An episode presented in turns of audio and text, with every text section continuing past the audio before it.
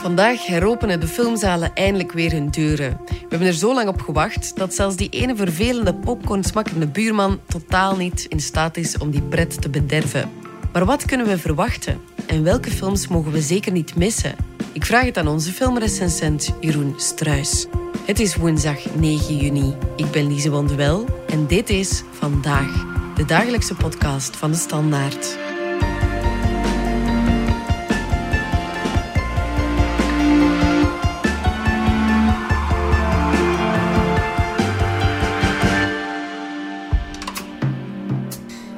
Struis, we hebben er lang op moeten wachten, maar eh, de bioscopen heropenen eindelijk weer hun deuren. Eindelijk. Ja, iets wat jij als filmrecensent ongetwijfeld moet gemist hebben. Ja, natuurlijk. Ja. Ja. Het hele gevoel ook om in een zaal te zitten en een film te gaan kijken waar, waar je nog niks over gehoord hebt. Exact. En samen met andere mensen uh, iets beleven. Hè. En daar, daarna ook over kunnen praten met andere mensen. Ja, ik denk dat dat precies is wat het thuiskijken ons niet kon bieden. En uh, wat we misschien meer dan ooit zijn gaan beseffen, dat we dat echt wel uh, de moeite vinden. Ja, en weten we al hoe dat eraan toe gaat, zal gaan?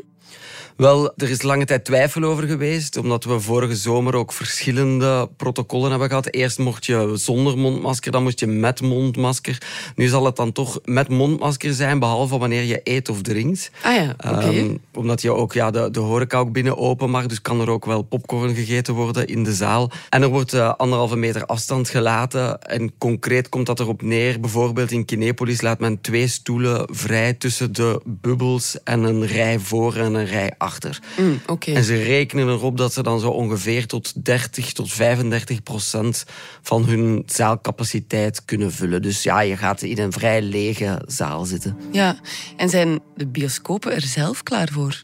Ja, die hebben nu uh, wel echt tijd gehad om zich voor te bereiden. En dat zijn ze ook. Bijvoorbeeld in Sphinx hebben ze er gebruik van gemaakt om uh, de zalen te vernieuwen. Om ja, nieuwe tapijten, uh, een nieuw laagje verf overal. Dus een heel aantal bioscopen hebben daar gebruik van gemaakt om te renoveren.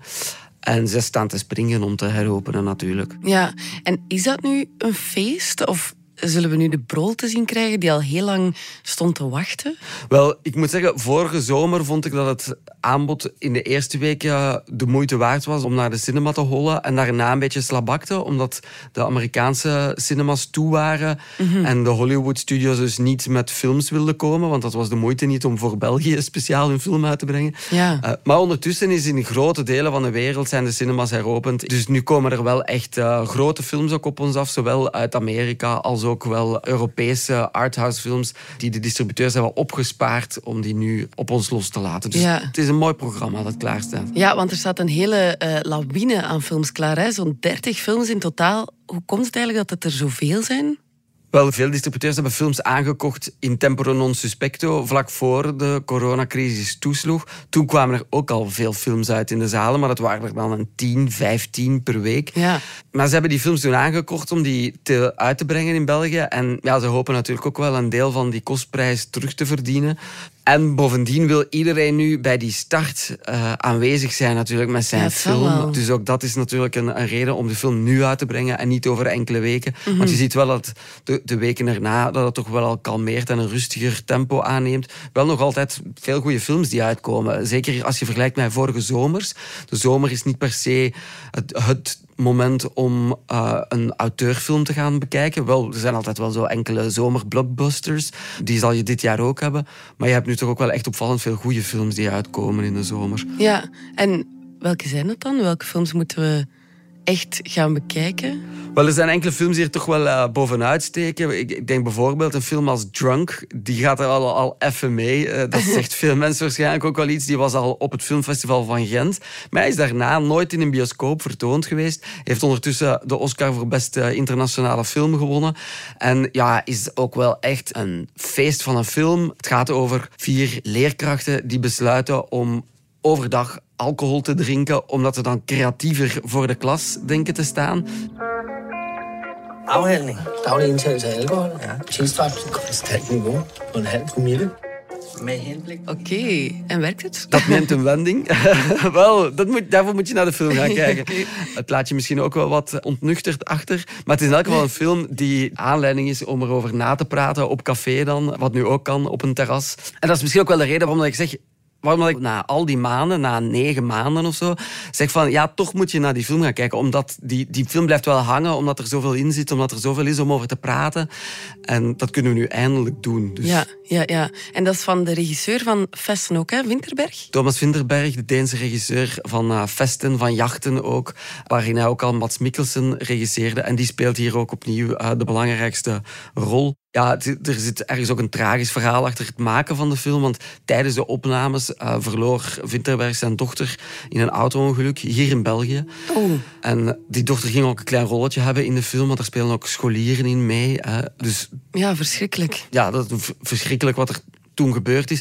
En ik heb enorme bewondering voor de manier waarop Winterberg ja, toch is doorgegaan met zijn film. Ja, je zal hem maar afmaken. Hij heeft dat, hij heeft dat opgevat als een, als een eerbetoon ook aan haar. Ja.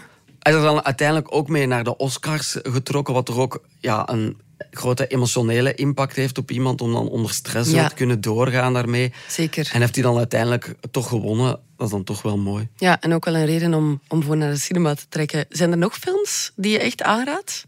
Wel, een film die je ook gewoon echt op dat grote scherm wil zien is eh, Nomadland. You are one of those lucky people that can travel anywhere. Yes, ma'am, I And they sometimes call you nomads. Die was al eerder te zien op Disney+. Plus. Ja. Maar dat zijn zulke prachtige landschappen dat je in die film ziet. De film speelt zich af in weidse landschappen in Amerika, waar een vrouw met haar eh, van begint rond te reizen. En dus de film moet het ook wel echt hebben van die prachtige fotografie. En die kun je nu voor het eerst op dat grote scherm zien. Dus ik denk dat heel veel mensen die film misschien al gezien hebben op Disney+. Ja. En toch willen die film een tweede keer gaan zien in de bioscoop. And I don't ever say a final goodbye. Let's just say I'll, I'll see you down the road. Een andere film is een hele, een hele zotte film. Dat is uh, Mandibule, een Franse film van Quentin Dupieux. Dat, dat is de man die ooit als Monsieur Oiseau een hitje Ja, scoorde met, ja, met. Flatbeat. Ja, waar hij de videoclip ook al van regisseerde.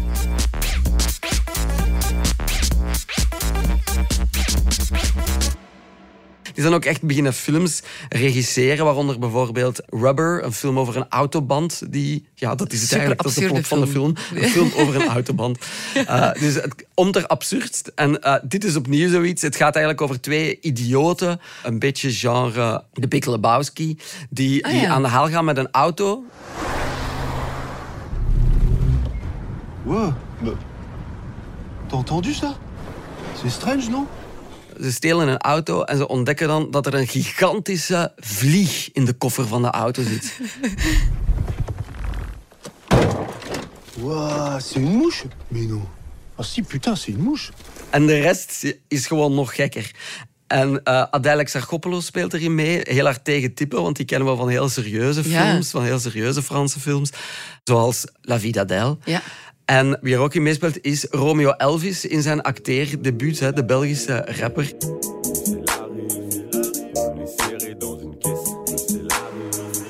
Die speelt daar ook in mee. Super. Ja, het is een uh, klotsgekke film. Ja. Ik ben heel benieuwd naar zijn eh, acteerprestaties ook wel. Hij komt ermee weg, maar dat heeft ook alles te maken misschien met de debiele personages uh, van de film. En Cruella komt ook naar de cinemas, hè? Name? Cruella. Inderdaad, er is ook een film waar je met het hele gezin naartoe kan gaan, uh, Cruella. I guess they were always scared that I'd be a psycho. Die is recent ook uitgekomen op, op Disney+. Plus. En die brengen ze nu toch uit in de bioscopen. Ja, en dat is heel goed nieuws, want dat is prachtige fotografie. En die komt van een Belg, van Nicolas Karakatsanis. Die heeft de fotografie ook gedaan van Runskop en van The Drop, de Amerikaanse film van Michael Roskam. En uh, hij heeft ook de fotografie gedaan van Cruella. Ja, en toen ik hem interviewde, vroeg ik hem hoe het was om te werken met zo iemand als Emma Stone, toch een geweldige actrice. Uh, dat, is een heel, uh, dat een heel tof meisje, een toffe energie. En uh, ik, kijk, ik zal het zo stellen. Um, iedereen babbelt over Emma Stone. En heel tof, ik heb er een heel goede band mee en allemaal goed. Maar ik was vooral onder de indruk van Emma Thompson. Als ik op de set stond met haar, dat was elke dag een soort masterclass van acteren. We zijn zo terug na de reclame. Niets is, alles wordt. Dat hadden de Grieken 2500 jaar geleden al begrepen. En dat is nog altijd zo. Vandaag wellicht meer dan ooit. Maar hoe vind je je weg in een wereld die almaar sneller verandert? Kennis is het beste kompas, weten we bij BNP Paribas Fortis. En kennis hebben we en delen we graag. Dat doen we ook in de podcast Stand van Zaken. Jeroen Struis, Cruella en Nomadland, die, zoals je zei, kon je online al bekijken via streamingplatforms, nog voordat ze naar de cinema komen. Is dat niet raar? Vroeger was dat toch omgekeerd? Ja, inderdaad. Vroeger kwamen de films eerst uit in de bioscoop en dan na een lange run konden ze dan op streamingplatforms bijvoorbeeld belanden. Dat heeft natuurlijk alles te maken met de coronacrisis. Ze konden gewoon niet in de bioscoop uitkomen.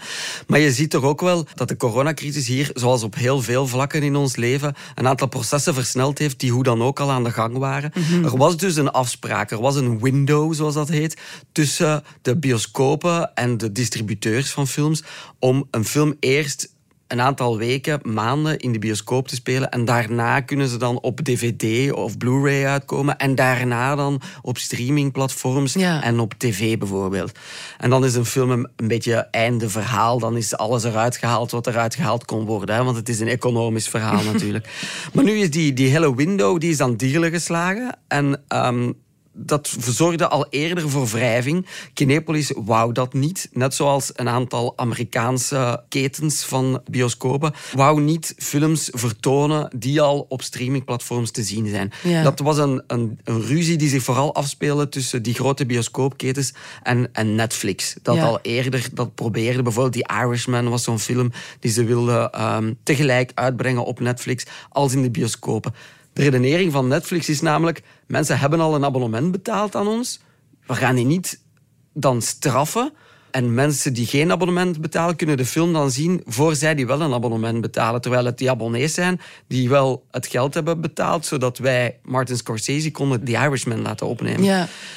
Dus vanuit streamingplatforms was dat de redenering. Vanuit bioscopen was de redenering... ja, maar als jij die film gewoon al beschikbaar stelt op jouw platform... dan gaan mensen niet nog eens komen naar de bioscoop. En ja, dat doen we dan niet aan mee. Dat kunnen we ook niet vragen. Nu hebben ze dan, zijn ze dan toch overstag gegaan... Onder andere dankzij die coronacrisis die dat toch wel versneld heeft, dat proces. Ik denk ook dat het inzicht is gegroeid dat streamingplatforms geen concurrentie vormen van bioscopen. Dat ze heel aanvullend kunnen werken. Dat streamingplatforms ook een honger kunnen creëren om Ja. een film eh, te gaan bekijken op het grote scherm. Om, je hebt hem gezien thuis in misschien niet die bioscoopomstandigheden en je wil hem nu ook gaan zien. Ja. Eh, je wil nu die prachtige fotografie van Nomadland ook op, in de bioscoop gaan zien. Bovendien zijn er nu zoveel streamingplatformen. Je hebt ze niet allemaal. Niet iedereen heeft Disney+. Plus. Heel veel mensen hebben Netflix, maar ook niet iedereen. En dan komen er nog best wel wat streamingplatformen op ons af de komende tijd. Je kunt die niet allemaal nemen. En in de bioscoop kan wel iedereen terecht. Je kan voor één ticketje kan je, kan je de film gaan kijken. Ja. Dus er ontstaat een nieuw evenwicht. Die window die gaat aan de kant. En ehm Kinepolis heeft nieuwe onderhandelingen gevoerd met Disney. Want ze hebben wel gezegd, ja, je hebt al die film getoond elders. Dan kun je niet verwachten dat je even een groot percentage van onze ticketinkomsten krijgt als voor een andere film. Dus ze hebben nieuwe onderhandelingen gevoerd. Ze zijn er nu uitgeraakt. En dus zowel Nomadland als Cruella zal te zien zijn in, eh, in Kinepolis. ja, maar bij Cruella was het niet zo evident om die toch in de cinema te krijgen. Hè? Inderdaad, want dat blijft natuurlijk een spanningsveld. Die streamingplatformen, die Disney Plus in dit geval. Ja, Disney heeft die film op zich al blijkbaar ingecalculeerd van ja, die gaan we niet meer uitbrengen in de bioscopen. En in dit geval is het echt de regisseur geweest en Emma Stone die een gewicht in de schaal hebben gelegd en die hebben gezegd ja, wij willen wel echt dat die film in de bioscoop uitkomt, want wij zijn er ingestapt ook met het idee dit wordt een bioscoopfilm. En wij willen ook echt dat die er komt. En daar vertelde eh, Nicolas Karakatsanis ook over. Want oorspronkelijk had Disney gezegd dat ze hem op Disney Plus ging, allee, die eh, streamingplatform Ja. gingen gooien. Want natuurlijk, die moeten ook een aantal films eh, opofferen om streamingdienst wat sexier te maken. Ehm, maar zowel Emma Stone als Craig, de regisseur, zagen dat absoluut niet zitten. En dat is een maandenlange discussie geweest. En door hun is die film toch in de cinema teruggekeerd. Dat komt, toch, dat komt echt door hun. En ook denk ik het dat er even is zo dat Warner Brothers en HBO Max deal, dat zij al die films gewoon naar HBO gingen versluiten. Eh, en dat er toch nogal een grote backlash was. Ja. Heeft Disney dan al sinds voor Cruella eh toch een gezicht dat keer van toch in de cinema voor. Natuurlijk, die box-office gaat nooit zo goed zijn gelijk een, gelijk een klassiek uitgebrachte film, omdat er gewoon niet veel volk... eh, maar bon, het is ook een beetje de perspectief van dat wij als makers, allee, ik niet, en, maar vooral Emma en, en Craig, zeggen, voor ons is dat wel belangrijk, en we willen die, eh, de, de, absoluut, tenminste de keuze geven dat je de ervaring kunt hebben als je wat toelaat om naar de cinema te. Ik ga blij zijn als mensen de film zien, als het in de cinema is, is dat leuker, maar ik ben al vooral blij dat mensen de film te koer kunnen zien. Ja. En dat dat dan, ja, kijk, ik ben benieuwd naar reacties, dat dat uh, positief is of niet. eh. Ja, ze hebben er echt voor moeten eh, knokken om die film in de cinema te krijgen. Nu, het feit dat er zoveel films uitkomen, is dat wel zo'n goede zet? Gaan al die films genoeg volk trekken? Dat is een groot probleem, denk ik. Ik denk dat dus dat er enkele films bovenuit steken. Nomadland, Cruella, Drunk ook. Ja. Dat zijn films waar mensen wel massaal zullen naartoe gaan. Maar ja, de rest gaat een beetje, vrees ik, verdrinken in een moeras. En dat is een probleem voor die distributeurs natuurlijk. Bovendien zit je met die maximumcapaciteit in de bioscoop. Als je maar een derde van je zaal kan vullen, ja, dan kan er ook gewoon niet veel volk naar die film gaan kijken. Dus ja, er kan nooit een gigantische massa nu naar die films gaan. Aan de andere kant ja, hebben we gezien, toen in Frankrijk de bioscopen opengingen, stonden er rijen aan te schuiven aan Ja. de multiplexen. Dus er is wel degelijk een grote honger. En we hopen natuurlijk dat er eh, vrij snel toch ook misschien meer, meer volk naar de bioscoop kan gaan, afhankelijk van hoe het loopt met de besmettingen. Want ehm, er staat natuurlijk ja, een hele waslijst aan films op de planning. Maar daarnaast begint ook Dogville in Leuven. Ja, die hebben hun festival. Dat is een festival voor documentaire films. Die hebben dat festival vier keer moeten uitstellen. Eh, recent nog last minute, omdat eigenlijk ging iedereen ervan uit dat we op 1 juni konden openen. En het is Ja. al 9 juni geworden. Dus die hebben dat dan nog eens moeten uitstellen. Ze konden dat omdat ze ja, eerst grote flexibiliteit hebben moeten aan de dag leggen als organisatie. Maar ook wel omdat ze, ze- ze programmeren dat festival in hun eigen bioscopen voor een groot stuk. Ja. Ze hebben eigen zalen in Cinema Z in Leuven, dus dat, dat was dan ook wel mogelijk. Maar toch, ja, je moet het toch maar doen. Ja. Eh, en het is een prachtig programma eigenlijk. Er spelen echt wel eh, hele goede films weer. Dat is wel fijn. En dat, dat gaat de honger ook wel eh, doen toenemen, ook bij mensen, denk ik, om naar de bioscoop te gaan. Want het is uiteindelijk, eh, dat is ook iets dat al jaren speelt. Mensen gaan naar de bioscoop als er ook een verhaal rond verteld wordt, als er iets eh, is te zien waar je ook over kan napraten, waar een soort van ja, mond-op-mond reclame rond bestaat. Ja. En dat doet zo'n documentaire festival heel goed. Is dat zo? Staan mensen echt te springen? Want we hebben net natuurlijk maandenlang films zitten kijken op streamingplatforms. Een goedkoop alternatief, denk ik dan. Gaan ze wel die weg naar de cinema terugvinden? Ja, we zagen het in Frankrijk toen daar de bioscopen opengingen, stonden er rijen aan te schuiven. Ja. We zien ook dat in landen, in China bijvoorbeeld, die zijn al veel langer heropend. Daar hadden ze echt een box-office records plots. Dus in de hele wereld zie je toch wel dat het werkt. Dus dan denk ik in België ook wel. Ja, let's hope. Inderdaad, streamingplatformen zijn per maand een 10 euro, 15 euro. Eh, dat is niet veel geld vergeleken met een bioscoopticket, dat al snel evenveel is voor gewoon één ticket. Maar die twee gaan niet in concurrentie met elkaar. Een bioscoopticket concurreert met een voetbalticket. En dat kost ook al heel wat geld. Of eh, met de opera of met restaurantbezoek, waar mensen ook veel geld voor bereid zijn te betalen. Dat zijn de concurrenten van cinema, omdat dat allemaal dingen zijn die je buiten uit je huis gaat beleven met andere mensen. En het is niet zo dat je denkt. Wat ga ik nu vanavond doen met mijn vrienden? Ga ik vanavond thuis kijken naar Netflix met mijn vrienden? Dat is niet wat je doet. Eh, wat je doet is, ja, je komt thuis van een drukke dag en je, en je, en je wil even ontspannen bij een, bij een Netflix-serie. Dus dat is een hele andere argumentatie, dat is een heel ander gevoel dat daarachter schuil gaat. Dus eh, Netflix concurreert met televisie of met een eh, goed boek lezen of met eh, breiwerkjes, maar, eh, maar niet met naar de cinema gaan.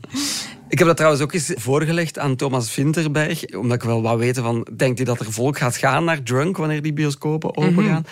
En ik vond zijn antwoord in elk geval eh, hoopgevend. I don't think the world changes that easy. Also, I don't find that human human beings change that much over a lifetime. So my feeling is that everything will go back to normal for good and for worse. Also, I am a believer in the community. I think that people will always be attracted to that dark room and that common experience of an emotional journey where you can hear each other, smell each other, sit next to each other, mm-hmm. uh, and actually sometimes even hold hands and whatever else can happen in a cinema. I, I think that people will be attracted to that. It's also the journey to, to a cinema is full of expectations. You pay your money, you find your seat. There's a whole story, there's a whole ritual which which elevates the experience of, of watching a movie. And I, I don't believe I'm the only one in the world who, who, who will miss that. Apparently, back here in Denmark, we've proven the fact a little bit because people have been running into the cinema, which obviously affects my optimism a little bit. To your film. right. which was the only one. Yeah. So, so, you know. Nu, Jeroen, welk film staat er bij jou op de planning? Ja, ik wil heel graag naar The Father gaan kijken. Dat is een uh, film met Anthony Hopkins, die daar de Oscar voor gewonnen heeft. Ik heb de film al gezien. Zoals ja, de filmjournalisten de afgelopen tien maanden veel films hebben gezien thuis, hè, ik, uh, op het kleine scherm. En ik wil die nu echt opnieuw zien in de bioscoop om te zien of dat hij daar ook overeind blijft, of dat een andere ervaring is. Dus daar kijk ik ook heel erg naar uit. Maar naar welke film wil jij graag gaan, Lise? ik wil heel graag naar Nomadland kijken, zeker als ik jou daarover hoor praten. Maar ik wil die ook absoluut zien in Brussel in de Cinema Avontuur. Ja. En uh, die hebben momenteel nog niks online staan, dus dat wordt spannend. Je hebt gewacht tot hij op het grote scherm kan uh, Zeker en vast. Dus, dat, dat, was een goed plan. ja, ik hoop het. Laat ons zien hoe het uitdraait. Jeroen Struis, dankjewel. Heel graag gedaan. Dit was Vandaag, de dagelijkse podcast van De Standaard. Bedankt voor het luisteren. Wil je reageren? Dat kan via podcast.standaard.be. Alle credits vind je op standaard.be-podcast. Morgen zijn we weer opnieuw.